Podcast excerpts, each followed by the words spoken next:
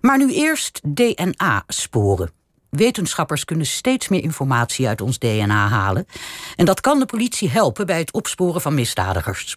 Het bepalen van de oog- en haarkleur uit DNA voor opsporing mag nu al. En vorige week kwam minister Grapperhaus van Justitie en Veiligheid met een voorstel om de mogelijkheden uit te breiden. Justitie mag in de toekomst uit gevonden DNA van een verdachte of slachtoffer ook de huidskleur afleiden. Minister Grapperhaus schrijft aan de Tweede Kamer dat hij de regels erover gaat veranderen. Argos-collega Sanne Boer dook in het DNA-spoor dat gevonden is in de zaak van Patrick. In een schok heb ik me omgedraaid. Daar stond mijn vader. Pa, Patrick is dood. Pa, Patrick is dood. Eerder in de moord op Patrick. Je zag wel een schotwond. En waar? Hoofd.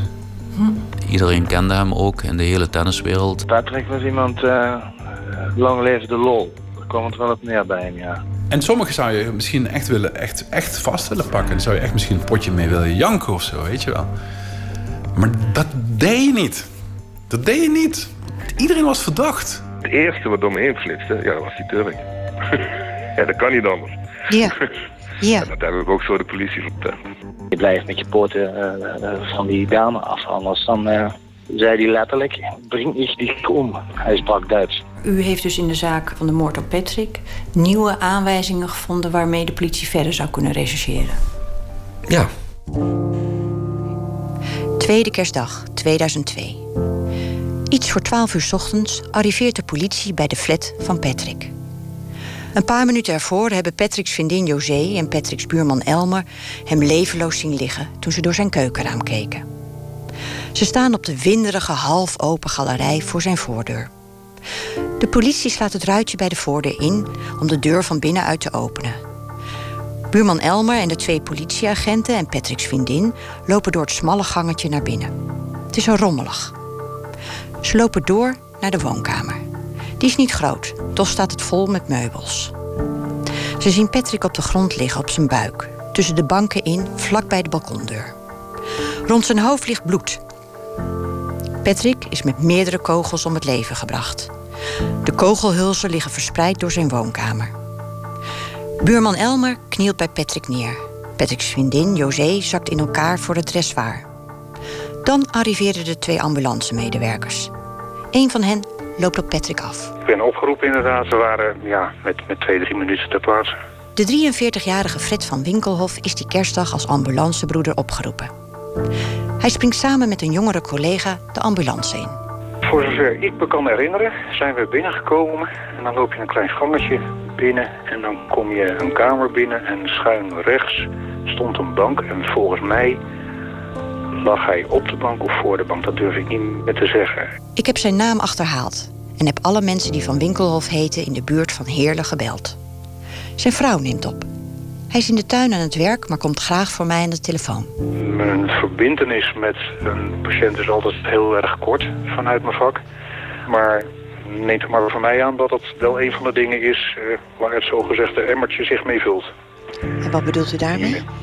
Dat vanuit mijn vakgebied er zoveel dingen gebeuren die een uh, 9 van de 10 keer een normaal mens niet meemaakt. Dat je dat, uh, dat, daar kan je uitstekend mee omgaan. Maar het, uh, het stapelt zich wel op in je, in je kopie. En uh, dit is dus een van de gevallen die daar zeker aan meewerkt. Iemand van 36 die overlijdt en dan ook nog eens door een moord. Dat is zwaar. De ambulancebroeder is nu met pensioen en beantwoordt mijn vragen vriendelijk en geduldig. Maar veel details weet hij niet meer. Het is inmiddels 17 jaar geleden. En? Ik neem heel weinig op van de omgeving, behalve dan of er gevaar voor ons schuilt. Ja. En, en 9 van de 10 keer ga je, omdat ik dan de directe koffers, uh, CQ-monitor bij me heb, stap ik ook als eerst naar, naar binnen ergens in vergelijking met mijn collega chauffeur. Die komt vaak achter mij aan, omdat ik alvast naar boven ga soms en hij nog wat andere spulletjes moet pakken. Ben ik zo gefocust op de patiënt dat ik heel erg weinig opslaap. Het appartement waar Patrick twee dagen eerder nog wijntjes heeft zitten drinken met zijn buurman Elmer is een plaats delict geworden. Het was voor mij in ieder geval duidelijk dat uh, meneer overleden was. En zorgen dan weer dat ze zo snel mogelijk buiten zijn. Zodat de technische recherche al uh, Ja. ja, van ons in ieder geval geen, geen sporen door elkaar kunnen halen. De eerste minuten, uren en dagen na een moord zijn cruciaal in de zoektocht naar de dader. De tijd is dan de grootste vijand van de politie. Hoe meer tijd er verstrijkt, kleiner de kans dat de dader gevonden wordt. In de woonkamer van Patrick stelt de technische recherche die middag allerlei sporen veilig. Maar het is vooral belangrijk voor de politie te bepalen welke sporen ertoe doen. Huidschilfers die gevonden worden op de bank of op de stoelen kunnen ook heel goed van mensen zijn die dagen ervoor bij Patrick op bezoek zijn geweest en hoeven geen daderspoor te zijn. Er wordt naar later blijkt die dag maar één spoor gevonden waarvan de politie zeker weet dat het dader gerelateerd is. Maar één spoor kan genoeg zijn. De moord op Marianne Vaatstra uit Zwaag-Westeinde lijkt opgelost. Op basis van het DNA-onderzoek dat eerder werd gehouden... is een verdachte gearresteerd, zo melden politie en justitie. De politie heeft een man van 47 opgepakt... na een grootschalig DNA-verwantschapsonderzoek. Er is steeds meer mogelijk met DNA-techniek. Vastgelopen moordzaken, zoals van Nicky Verstappen, Marianne Vaatstra en Milika van Doorn, komen zo alsnog in beweging. En justitie voorspelt dat deze nieuwe technieken zomaar in nog meer oude zaken tot een doorbraak zouden kunnen leiden. DNA lijkt het wondermiddel om misdadigers op te sporen. Vooral in ingewikkelde zaken. DNA is iets dat je niet kunt zien. Het is een molecuul dat in bijna elke cel van ons lichaam zit en waarin onze erfelijke eigenschappen liggen. De vorm? Twee in elkaar gedraaide strengen. 30 jaar geleden ontdekte een Brit dat je een profiel kan bepalen uit het DNA. Een profiel dat voor ieder mens uniek is. Die ontdekking heeft een enorme impact op misdaadonderzoek. En de ontwikkelingen in DNA-technieken gaan in rap tempo door. In het begin had je een hele plas bloed nodig. Nu is één enkel druppeltje genoeg. Ik wil weten wat er met de DNA-technieken van nu, met het spoor van toen in de zaak van Patrick gedaan kan worden. Kan een DNA-spoor ook in zijn zaak voor een oplossing zorgen? Dit is deel 4, DNA-sporen. Eén maand nadat Patrick is gevonden, wordt de ex-man van Patricks vriendin opgepakt.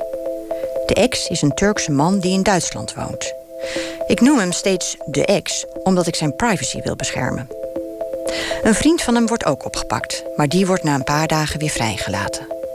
Bij beide mannen wordt wangslijm afgenomen om hun DNA te vergelijken met het DNA-spoor wat de politie in Patrick's appartement gevonden heeft. Als de ex van Patrick's vriendin drie maanden in voorarrest zit, komt de uitslag. Het DNA dat op de plaats delict is aangetroffen, is niet van hem. Maar, vertelt de recherche aan Patrick's broer Ron, het DNA-spoor vertoont wel overeenkomsten met het DNA van de ex. Er is toen gezegd, DNA dat we hebben is niet voldoende om, om aan te tonen dat het van de verdachte is. Maar het is wel van zijn familie. Het DNA-spoor dat gevonden is in Patrick's appartement zat op een van de kogelhulzen. En is van een man. Het DNA-spoor zou dus nog wel van een broer, vader, neef of oom kunnen zijn van de ex. De officier van justitie doet een rechtshulpverzoek aan Duitsland, waar de vader en broers van de verdachte Turkse ex wonen. De Duitse politie neemt wangslijm bij hen af, maar uit onderzoek blijkt dat er weer geen match is. De Turkse ex van Patrick's vriendin wordt vrijgelaten en de rechtszaak die gepland staat gaat niet door. De familierechercheurs praten de familie van Patrick de jaren erna nog sporadisch bij. Het enige contact dat we nog hadden ging over DNA. Dat, dat, was omdat, ja, het enige, dat waren de ontwikkelingen in de zaak na 2003 zaten hem alleen nog maar in het DNA. Niets anders. Je zou denken dat het spoor richting de ex van Patrick's vriendin dus doodloopt. En de recherche naar andere mogelijke verdachten gaat kijken. Maar dat is niet zo, blijkt als ik dieper in de zaak duik. De rechercheurs blijven zich alleen op de ex richten. Het team is inmiddels sterk gekrompen. De zaaksofficier van destijds, Wim Smits, zegt tegen het ANP dat het onderzoek geen andere routes heeft opgeleverd. Ze hebben zeker verteld dat ze verder gingen op dat DNA. Als het, als het niet van hem is, dan moet het van iemand anders zijn in de familie. En dat gaan we na. Want dat hoeft niet de schutter geweest te zijn. Dat kan iemand anders geweest zijn. Maar als we zo iemand vinden, dan kan die weer uh, dingen verklaren of komen we in ieder geval dichterbij. De rechercheurs besluiten in 2005 familieleden in de tweede graad mannelijke lijn te onderzoeken. Dus neven en ooms van de Turkse ex. Ze zijn op een gegeven moment ook eh, naar Turkije gegaan om daar de familie in kaart te brengen. Om daar te kijken, is er iemand misschien hier geweest die DNA achtergelaten heeft en vervolgens weer naar Turkije vertrokken is. Dus er zijn rechercheurs naar Turkije gegaan? Zoals ik het begrepen heb, is in ieder geval in Turkije zijn familielijnen nagegaan en zijn mensen in kaart gebracht. Dat hebben we ook gezien. Ze hebben die stamboom laten zien. Het zijn mensen onderzocht op DNA en ook daar zat geen match bij uiteindelijk. Dan hoort Patrick's familie lange tijd niets. Ze hebben in 2010 een afrondend gesprek. Daar vertellen de politie en het Openbaar Ministerie aan de moeder en broers van Patrick, Patrick's vader is dan inmiddels al overleden, het volgende. Nou, oké, we hebben nu alles gedaan wat we konden doen. Tot en met Turkije toe. En nu komen we niet verder. En nu is het wachten op nieuwe technieken om eventueel wel verder te gaan. Dat is 2010. Sinds die tijd hoopt Patrick's familie dat nieuwe wetenschappelijke ontwikkelingen op het gebied van DNA voor een doorbraak kunnen zorgen in Patrick's zaak. Mijn moeder arresteert steeds stukjes in kranten. Als er DNA-onderzoek ergens aan de gang is of wat dan ook, krijg ik altijd. Als er iets van DNA is, of als er iets over Nicky Verstappen is of wat dan ook. Ze, iedere keer vertelt ze me, ze is er heel erg mee bezig. Uh, ik bel jou als ik klaar ben. Yes! Ik doe nu ruim een jaar onderzoek naar de moord op de 36-jarige tennisleraar Patrick van der Bolt. Ik wil weten hoe de betrokken rechercheurs terugkijken op de moord die zij nooit hebben kunnen oplossen. Waar liepen ze tegenaan? De politie en het Openbaar Ministerie Limburg willen nog steeds niets over de zaak zeggen. Daarom spoor ik zelf Joost Schreuder op, de vroegere leider van het politieonderzoek. Hij is nu met pensioen, dus ik kan hem alleen nog thuis treffen. Zijn huis is een twee onder één kapwoning en ligt aan een doorgaande weg in een dorpje in Zuid-Limburg. Hallo. Ik zie iemand bij de buren naar buiten komen. Het waait hard en ik merk dat ik zenuwachtig ben. Wat als hij niet wil praten? Dit is mijn enige kans. Waarom heeft zijn team altijd op de Turkse ex ingezet, terwijl zijn DNA en dat van zijn familie niet matchte met het DNA op de kogelhuls? De voormalige hoofdinspecteur komt vanuit zijn garage naast zijn huis naar me toe gelopen. Dag, hallo. Dag, bent u Joost Schreuder? Ik ben Sanne Boer van de VPRO Radio. Ik wil vragen of ik met u mag praten. Ik ben bezig met uh, de moord op Patrick. Uh, Patrick. Joost Schreuder is een gedrongen man met een kalend hoofd en donkere, priemende ogen. Hij kijkt me niet al te vriendelijk aan en wijst op mijn opnameapparatuur. Hij wil niet met me praten en zeker niet zonder toestemming van zijn baas. Schreuder vertelt me wel dat hij zeer betrokken is bij iedere zaak. En ook in deze zaak, zegt hij, is het verschrikkelijk dat we hem niet hebben kunnen oplossen. Ook voor de nabestaanden. Maar het is een cold case, dus de politie is er nog altijd mee bezig, zegt hij. Ik vraag hem waarom het politieonderzoek niet heropend is toen de Universiteit Maastricht met nieuwe aanknopingspunten kwam. En dan zegt hij fel: Pas op, hè. U moet voor dit soort zaken bij justitie zijn. Zij zijn leider van het opsporingsonderzoek. En zij doen de communicatie. Maar er gebeurt niets meer in deze zaak, leg ik hem voor. Ik heb alles goed achtergelaten, zegt de voormalige hoofdinspecteur. Ik doe nog een paar pogingen, maar tevergeefs. Ik schop u niet de oprit uit, zegt Joost Schreuder op licht dreigende toon. Maar hij maakt me wel duidelijk dat hij mijn vragen niet op prijs stelt. Is het zo vreemd dat hij niet met me wil praten? Misschien niet. Maar ik dacht dat een onopgeloste zaak altijd als een molensteen om je nek hangt als rechercheur. Ik dacht dat de politieinspecteur er alles aan zou willen doen om de zaak alsnog op te lossen. Ik dacht dat hij misschien wel blij zou zijn dat ik aandacht aan deze zaak besteed. Het Openbaar Ministerie Limburg laat me een paar dagen later weten dat voormalig hoofdinspecteur Joost Schreuder echt niet wil meewerken aan mijn serie. Dus we waren toen met zes man in het appartement. Politieagenten, eh, ambulancebroeders en ik en José. Terug naar 2002, naar Patrick's appartement in Heerlen. De kerstochtend dat hij gevonden wordt. De twee politieagenten staan binnen in de kleine woonkamer. Samen met de twee ambulancebroeders, Patrick's vriendin en Patrick's buurman Elmer achteraf gezien heel raar van de politie. Want wij waren op een eh, crime scene. Ja. Wij konden gewoon meteen met de politie naar binnen. Terwijl je wel al zag van, hé, hey, dit, dit, dit is het gewoon niet, dit klopt niet, dit is niet goed. En na een minuut of tien zeiden ze, eh, nee, ook, iedereen moet eruit. Toen pas is, is alles beveiligd. Een plaatsdelict moet zo snel mogelijk worden afgezet om de plek niet te vervuilen met andere menselijke sporen. Maar de politie laat buurman Elmer en vriendin José wel enige tijd op de plaatsdelict. Waarom de politie dat doet, weet ik niet. Wat die man eh, toen zei was, oh ja, hij is, hij is dokter. eh, En ik denk dat dat een van de redenen was dat ik ook Mee naar binnen komen. mee naar binnen kon. De man, die buurman Elmer herkent, is de ambulancebroeder van Winkelhof. Ik kende de arts en ik, eh, ik, ik, ik weet dat het een hele kundige man is, wat dat Ja. betreft. Oh, u kende hem ook uit het ziekenhuis? Ja, ja. Ah, oké. Oh, dat is ook wel gek inderdaad, om die dan eh, op zo'n plek te treffen in een privésituatie. Ja, dat is sowieso eh, raar. En dan, ja, het is gewoon hartstikke vervelend, omdat het van hem een bekende is. Ja. En ja, dan probeer je daar eh, ook weer een klein beetje te zorgen dat eh, hij is ook een mens en heeft ook gevoel. En, Ja. eh, ja. Dus dat je hem ook een beetje de ruimte laat, die arts bedoelt u? Ja. Als de ambulancebroeder de woonkamer inloopt, ziet hij een onbekende vrouw op de grond zitten. En ziet die buurman Elmer staan. En dan kom je binnen en heb je alleen maar wat met de patiënt te maken. Hij loopt vlug op Patrick af, zet een tas neer en luistert of Patrick een hartslag heeft. Buurman Elmer weet niet meer of hij iets aangeraakt heeft in Patrick's appartement. Dat kan hij niet uitsluiten. Wel herinnert hij zich dat hij Patrick's lichaam op verschillende plekken gevoeld heeft.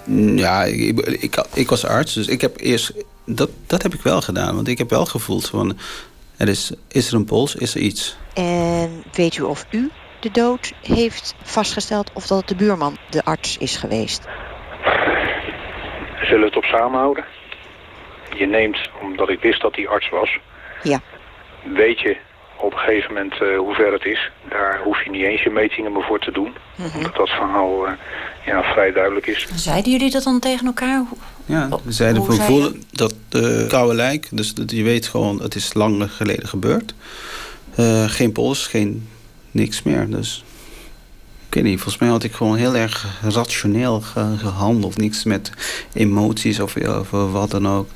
Het DNA van buurman Elmer en de ambulancebroeder zit dus op het lichaam van Patrick.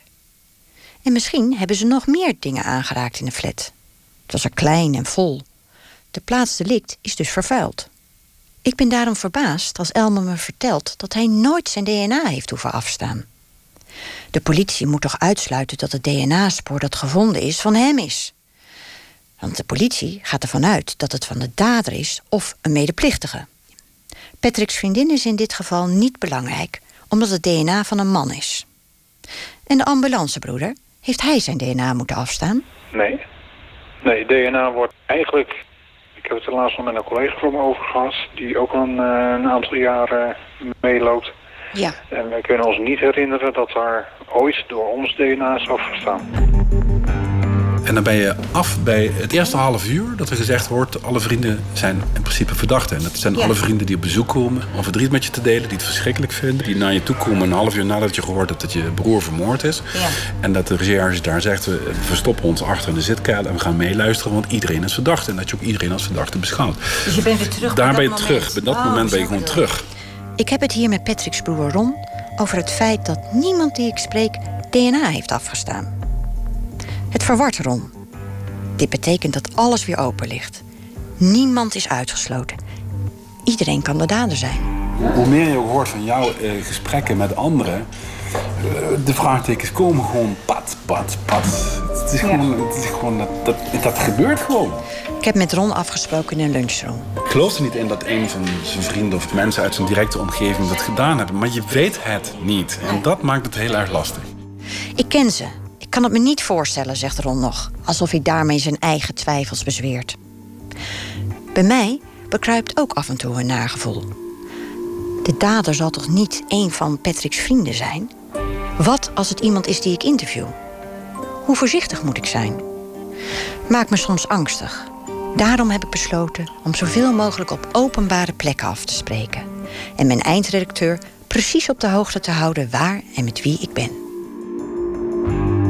Als ik Ron een paar weken later weer zie, praten we op een rustige plek verder. Ik, ik durf in twijfel te trekken dat DNA dat op de plaats van delict gevonden is...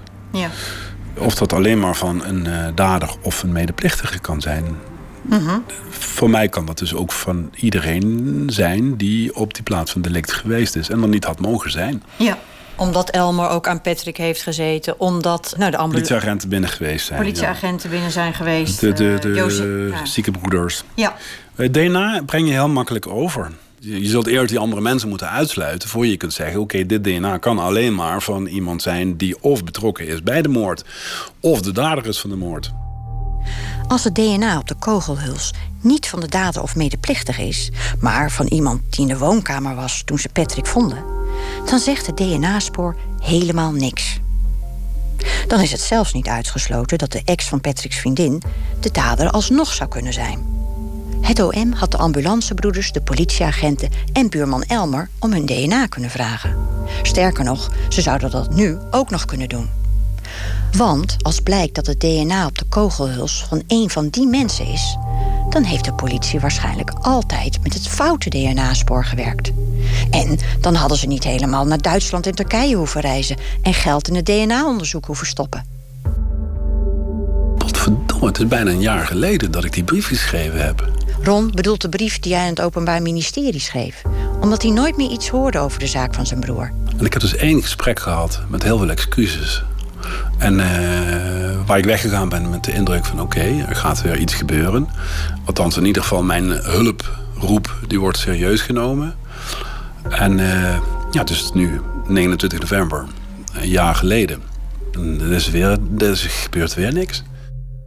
Hij heeft alleen nog één mailtje van een rechercheur gekregen. Dat er geïnventariseerd wordt bij het Nederlands Forensisch Instituut... wat er aan sporenmateriaal is in Patrick's zaak. Maar de uitkomst heeft hij nooit gekregen. En eigenlijk is vanaf het moment dat die excuses gemaakt zijn... en er toch gesproken is over het mogelijk, mogelijk heropenen van de zaak... er gewoon eh, steeds niks gebeurd is, nog steeds niet. In de tussentijd is ook nog een landelijk coördinator eh, cold case zaken zich tegenaan bemoeid. Die wekt wel eh, de indruk dat hij heel graag iets wilde betekenen in de zaak. Aardgarsen bedoel ik. Aardgassen, Ja. en ik heb daar ook niks meer van gehoord. En, En die heeft mensen ingeschakeld in Limburg, daar heb ik ook niks meer van gehoord. en wat is je gevoel nu? besodemieterd. Eh, niet serieus genomen. Hallo, ik ben zo druk bezig, ik heb niet eens door. Ik zag u zitten, u zag mij niet. Ik ga je inschrijven. Even bij de receptie melden. Het Nederlands Forensisch Instituut, het NFI. Het is vlak voor kerst. En ik? Ik ga op zoek naar het buisje. Het buisje met het DNA-materiaal dat op een van de kogelhulzen zat. De technische recherche heeft uit Patrick's woonkamer verschillende voorwerpen naar het NFI gestuurd om te bemonsteren. Maar alleen op een van de kogelhulzen is volgens de politie dadergerelateerd materiaal aangetroffen. Misschien gek, maar ik wil dat buisje, dat buisje met het DNA, met eigen ogen zien. Goedemiddag, morgen. Hoi, Lex Medebroek. Hallo, Hoi. goedemorgen, Sanne Boer. Welkom. Ik had alvast even een kamertje geregeld en kun je alvast even zitten. Dat we de afdeling opgaan. Lex Meulenbroek is DNA-deskundige. Als hij praat, springen zijn grijze krulletjes enthousiast op en neer. Hij is de schrijver van een standaardwerk over DNA en opsporing. En hij werkt al ruim 15 jaar bij het NFI. De politie en het Openbaar Ministerie brengen bijna altijd alles wat bij een delict betrokken is en onderzocht moet worden hier naartoe. Het NFI heeft een monopoliepositie. Ik vraag hem: DNA op een kogelhuls, wat kun je daarmee? Die hulzen zijn interessant, want die kunnen natuurlijk DNA bevatten van degene die die kogel, inclusief huls, in het vuurwapen hebben gedaan. En vaak is zo als men zo'n wapen laat, vaak zijn het de laatste kogel en huls, moet je de meeste kracht zetten. Dus vaak is dan zo'n huls heel interessant. En op die manier zou daar DNA op kunnen zitten van degene die die kogels in het vuurwapen heeft geladen. Die nog Dat- even met zijn duim het goed ja, heeft het ingedrukt. aanduwen, ja. Het wil natuurlijk niet zeggen dat je dan ook altijd de dader hebt. Want iemand anders kan het wapen laden dan degene die ermee schiet. Maar goed, iemand die dus eh, de kogel heeft geladen in een wapen... en je zou hem vinden op DNA, dat is natuurlijk wel interessant. Lang niet alle voorwerpen die door de technische recherche veiliggesteld zijn, zijn opgestuurd naar het NFI. De officier van justitie bepaalt welke wel en niet. Kost namelijk allemaal geld en de politie mag maar een beperkt aantal sporen insturen. Maar alles wat onderzocht is door het NFI wordt in kleine buisjes met een oranje dop gedaan. Alles wat we hier doen, slaan we op. Het onderzoek in Patrick's zaak was in 2003. Wat kan er nu meer met nieuwe technieken? In alle fases kan je meer. We zijn toch beter in staat om sporen te vinden hè, met die nieuwe technieken, met die lichttechnieken. We hebben betere methodes om weinig DNA-materiaal eraf te halen. Vervolgens is de DNA-technologie, de volgende stap, is zoveel gevoeliger geworden dan 10, 15 jaar terug. Dat is echt een wereld van verschil. Deze deur doorgaan, dan gaan we de DNA-afdeling op. Dit is Ja. de grootste forensische opslagplaats ter wereld. Ter Daar zijn we best trots op. Dat is een systeem eh, wat speciaal hier eh, voor het eerst is gebouwd. Grote, zijn- er zijn hele grote koelkasten, maar het ziet er niet uit als koelkasten. Nee, aan de buitenkant zie je dat allemaal niet. Hier wordt, hier wordt bij min 80 wordt, eh, wordt alles opgeslagen aan, aan DNA wat we hebben. Dus eh, dit is volledig geautomatiseerd. Dus alles is met barcodes en radiosignalen gelabeld. Ik zie twee meter hoge dichte kasten met een lichtpaneel. Aan de zijkant ziet het eruit als een CSI. High-tech verlichting en een grote rode knop met een schuif. In de enorme vriezer zitten de buisjes met DNA in een oplossing. DNA van sporen en personen. De vriezer zit nog lang niet vol. Er is wel ruimte voor een miljoen buisjes.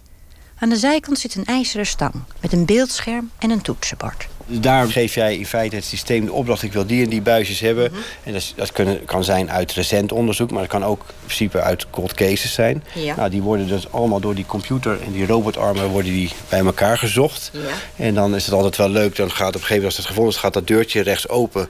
Dan komt er wat rook naar buiten, want het is natuurlijk heel koud daarbinnen. En dan komen die treetjes met de buisjes met de DNA komen naar buiten. En die worden dan door de medewerker... eh, Glinstert helemaal. ja, dat is, het, is, het, het is wel fascinerend om te zien hoe dat allemaal is, is ontwikkeld. Maar hier eh, moeten dus ook de buisjes in de zaak van Patrick van der Bos die zitten. bevinden zich ook hier. Ja. En die zijn hier ook ergens in het systeem ondergebracht. Daar sta ik dan. Dicht. Heel dicht bij het buisje met DNA van de mogelijke moordenaar van Patrick. Maar wel achter glazen deuren. Verder mag ik niet. De inhoud van dat buisje zou wel eens de moord op Patrick kunnen oplossen... nu er nieuwe DNA-technieken zijn. Het is misschien goed om te vertellen dat het NFI niet alleen het DNA-materiaal wat op de huls zat heeft... maar ze hebben er ook een profiel van gemaakt. Dat is een cijfercode die voor elk mens uniek is. En die code wordt niet opgeslagen in deze vriezer, maar in een computer. Met dat profiel kan een match in de databank worden gezocht. Maar verder onderzoek doen, dat kan alleen met het DNA-materiaal zelf. Eh, Je hebt een spoor, je hebt DNA. Vanuit het DNA maken we een profiel. En vanuit het DNA kunnen we ook kijken naar geografische herkomst of Ja. oog- en haarkleur. Dus je moet elke keer terug naar dat buisje met het DNA. Je kan niet uit het profiel wat er nu is van deze persoon zeggen... ah, ik heb nu dat, die cijfercode, kan ik die geografische herkomst halen? Dat kan niet. Sinds 2012 mag er naar oogkleur worden gekeken in DNA. En sinds 2017 naar haarkleur. En dit jaar heeft de minister van Justitie en Veiligheid aangekondigd de wet te willen verruimen om ook de huidskleur van iemand te bepalen. Maar om dit allemaal te onderzoeken heb je het originele DNA-materiaal uit het buisje opnieuw nodig. De politie en het Openbaar Ministerie Limburg hebben de afgelopen maanden om een inventarisatie gevraagd bij het NFI. Welke DNA-sporen zijn er nog? Ik weet niet, ik, ik heb die inventarisatie niet gedaan, maar wij doen dat op verzoek altijd. Het kan zijn dat wat wij hier hebben liggen niet, eh, dat daar niet veel meer uit te halen is. Ondanks dat je veel meer kan, dat het Ja. soms niet meer kan. Hè, omdat het materiaal er niet meer is, omdat dat, of omdat de- sporen toen al ja, eigenlijk het maximale gaven wat er was. En dan kun je natuurlijk kijken, wat is er nog meer in die zaak? Heeft de politie nog kleding? Heeft de politie nog voorwerpen bewaard? Als daar nog allerlei dingen hebben gelegen die ze hebben veiliggesteld... waarvan we zeggen van, nou ja, ik noem maar wat, stel dat er nog kleding is van het slachtoffer. Ja. En eh, misschien eh, kan het toch zijn dat het slachtoffer heeft gevochten met de dader. Ja, dan is het natuurlijk hartstikke interessant om die kleding, als je die nog hebt... en er is niks meer met die kleding gebeurd sindsdien... dat is natuurlijk ook van belang, om die nog eens te onderzoeken. Hoezo is er misschien geen DNA-materiaal meer? De politie wilde toch wachten op nieuwe DNA-technieken... en dan zou er weer onderzoek gedaan kunnen worden in de zaak van Patrick? Ja, dus, dus je hoopt natuurlijk dat als er sporen zijn die interessant zijn... Eh, dat daar nog materiaal voor is. Ik heb nog veel langer rondgelopen in het Forensisch Lab. Daarover heb ik een extra podcast gemaakt, speciaal over DNA-onderzoek. Op weg naar huis denk ik na over de woorden van DNA-deskundige Lex Meulenbroek. Is er nu nog wel DNA-materiaal uit de woning van Patrick of niet? Ik mail het Openbaar Ministerie Limburg en wacht op antwoord. Ik ben totaal verbaasd als ik een mail terugkrijg waarin ze eindelijk een antwoord geven op een van mijn vragen. Ze schrijven: Het DNA dat op de kogelhuls is aangetroffen is opgebruikt. En dat komt omdat het zo weinig materiaal was dat je dit maar één keer kon gebruiken. Er zit dus geen buisje met DNA-materiaal meer in de vriezer van het NFI. Er is alleen nog het profiel, een code in de computer. Dat betekent dat nieuwe DNA-technieken in de zaak van Patrick dus niet ingezet kunnen worden. Het DNA was in 2003 al opgebruikt, schrijft het OM. Uh, Oeh, daar word ik even heel stil van. En, uh, en daar word ik even heel boos van. Ron trekt wit weg als ik hem vertel wat het Openbaar Ministerie heeft geschreven. Toen de zaak voorlopig gesloten werd, 2010, toen, toen er gezegd werd we kunnen niet verder, is als reden opgegeven dat het DNA niets opleverde op dat moment en dat ze het DNA niet op wilden gebruiken. Ze wilden het DNA niet opgebruiken, want ze wilden het DNA juist overhouden. Want als er nieuwe DNA-technieken zouden komen, konden ze met het DNA juist weer aan de slag. Dus dat je acht jaar rondloopt met het idee dat er ooit een doorbraak zou kunnen zijn... omdat er nieuwe DNA-technieken aan het ontwikkelen zijn. Maar dan hebben ze ons toch gewoon echt voor de gek gehouden. Vanaf vertel je dat toch in 2010? Dat had je ons dus die afgelopen acht jaar kunnen besparen... dat we überhaupt de hoop hadden dat er nog iets zou kunnen gebeuren. Ik zeg dat is schandalig dat je mensen acht jaar aan de lijn houdt. Ik vind, ik vind het schandalig. Frank, de andere broer van Patrick, bevestigt dat wat Ron vertelt. Er was nog een deel van het DNA-materiaal over en dat zou bewaard worden om later een mogelijke zaak te onderbouwen. Het Openbaar Ministerie schrijft me ook dat opnieuw onderzoek aan de huls zelf, dus kijken of er misschien toch nog iets vanaf te halen valt, niet meer kan, omdat de huls in 2005 is opgenomen in de databank Verhulzen. En dat is geen DNA-veilig traject. Dat wil zeggen dat er inmiddels allerlei andere DNA-sporen op de kogelhuls kunnen zitten. Ik dacht, van alles wat het NFI onderzoekt, een beetje DNA bewaard moet blijven. Want stel dat een verdachte wordt opgepakt en die wil contra-onderzoek doen, eigen onderzoek om zijn onschuld te bewijzen, dan moet dat kunnen. Is dat contramateriaal voor een tegenonderzoek er nog wel? Nee, zegt het Openbaar Ministerie. Dat is ook op.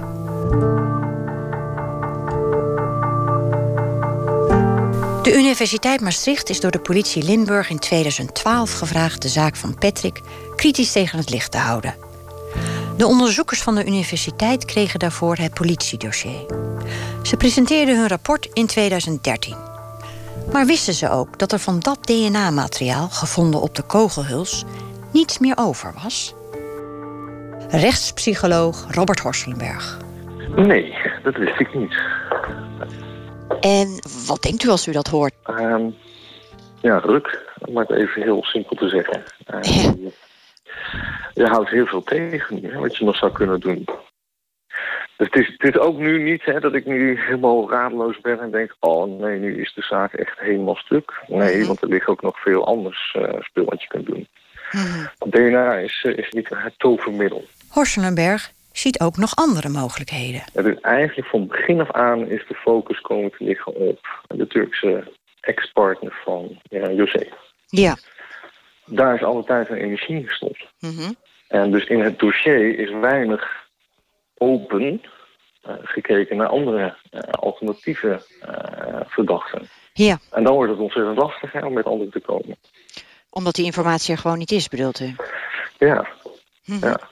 En er wel kan zijn, maar dan moet je dus niet met DNA gaan klooien. Nee, dan moet je mensen even gaan inzetten en zeggen van wie gaan we nou zeggen, met wie gaan we praten? Wie zien we in het dossier die eh, interessant zijn? Al in 2013 heeft hij het horen van getuigen aanbevolen aan het Openbaar Ministerie. Naast een aantal andere dingen. Ik heb zoveel vragen voor het Openbaar Ministerie Limburg. Ze wilden nooit meewerken. Maar ineens mag ik langskomen voor een interview. Maar jij wil misschien ook misgaan. Nou ja, goed, ik hoef niet. Doe het wel zo. En de pepermuntjes liggen klaar. Ja, ik ben een beetje verkouden. Ik zit in Maastricht bij het Openbaar Ministerie Limburg. Met een voorlichter en persofficier Rezi Peters. Eigenlijk maar om gelijk te beginnen. Ik ben heel blij dat ik hier zit. Uh, blij dat ik uitgenodigd ben door het Openbaar Ministerie Limburg. Mijn vraag is gelijk, waarom nu wel? Nou, wij zijn uh, inderdaad best wel terughoudend geweest hè, om een interview te geven over uh, in, deze podcast.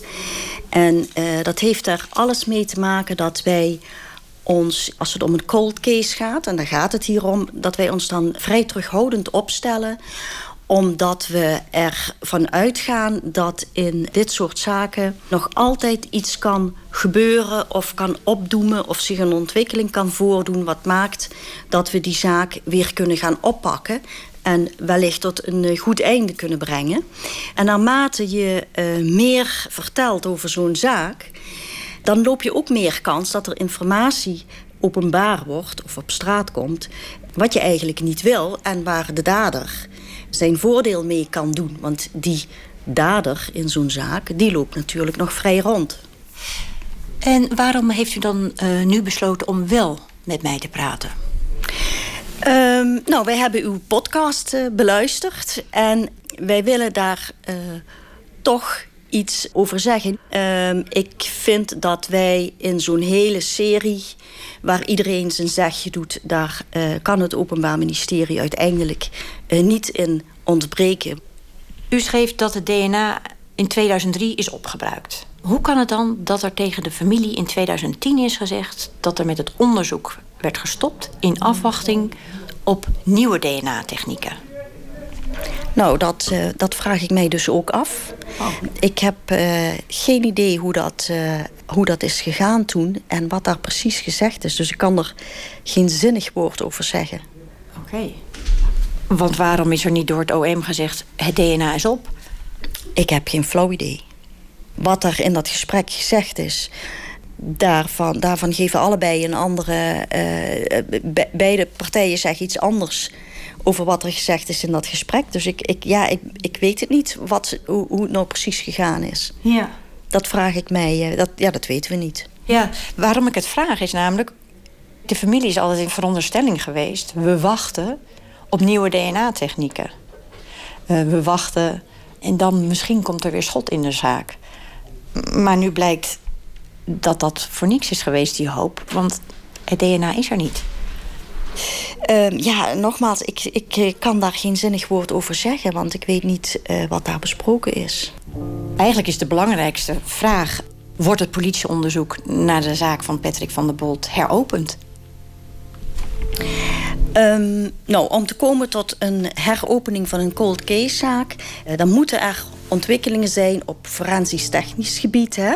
Of op, wij noemen dat tactisch gebied. Bijvoorbeeld uh, door mensen die iets weten en na jaren toch willen praten. Als ik, trouwens, als ik forensisch technisch zeg, dan bedoel ik vooral DNA. Hè? Tegenwoordig weet iedereen wat dat uh, betekent. Dus je hebt zoiets nodig om zo'n zaak te kunnen heropenen, zeg maar. En in de zaak van Patrick van der Bolt is dat niet aan de hand op dit moment. Dus die wordt nu niet heropend.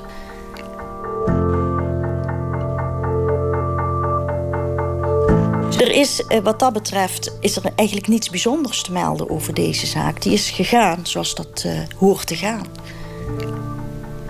Er zijn geen uh, fouten of geen uh, vergissingen gemaakt, zegt u, in deze zaak? Nee, het kijk waar de zaak op, uh, op uh, stokt, is dat wij uh, de dader niet hebben kunnen opsporen. Dat dat niet is gelukt. En ja, daarom hebben we dus cold cases, helaas. En dat is niet omdat er fouten zijn gemaakt in het dossier? Nee, nee, dat is niet zo.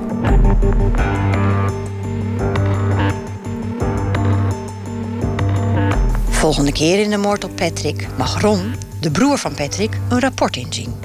Dat was een lijvig rapport, 150 pagina's. Jemig. Ik heb toch wel hoop, moet ik zeggen. Ja, er zijn echt nog wat dingen die onderzocht kunnen gaan worden.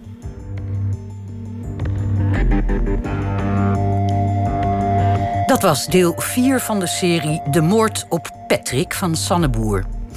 We vroegen de politieacademie, het NFI, de Nationale Politie en het Openbaar Ministerie hoeveel grote moord- en zedenzaken de afgelopen jaren door DNA zijn opgelost. Maar niemand kon deze vraag beantwoorden. Ze houden dat simpelweg niet bij. Mocht u de eerdere delen van deze serie willen luisteren of een tip hebben over deze zaak, ga dan naar de website vpro.nl/slash Patrick. Maar u kunt ook naar de podcast-app De Moord op Patrick. Daar kunt u zich gratis abonneren en dan kunt u ook extra materiaal rondom deze serie krijgen. Aan deze aflevering werkten mee Jacob Kastermans, Peter Keizer, Meike van Roosmalen, techniek Alfred Koster en eindredactie Huub Jan.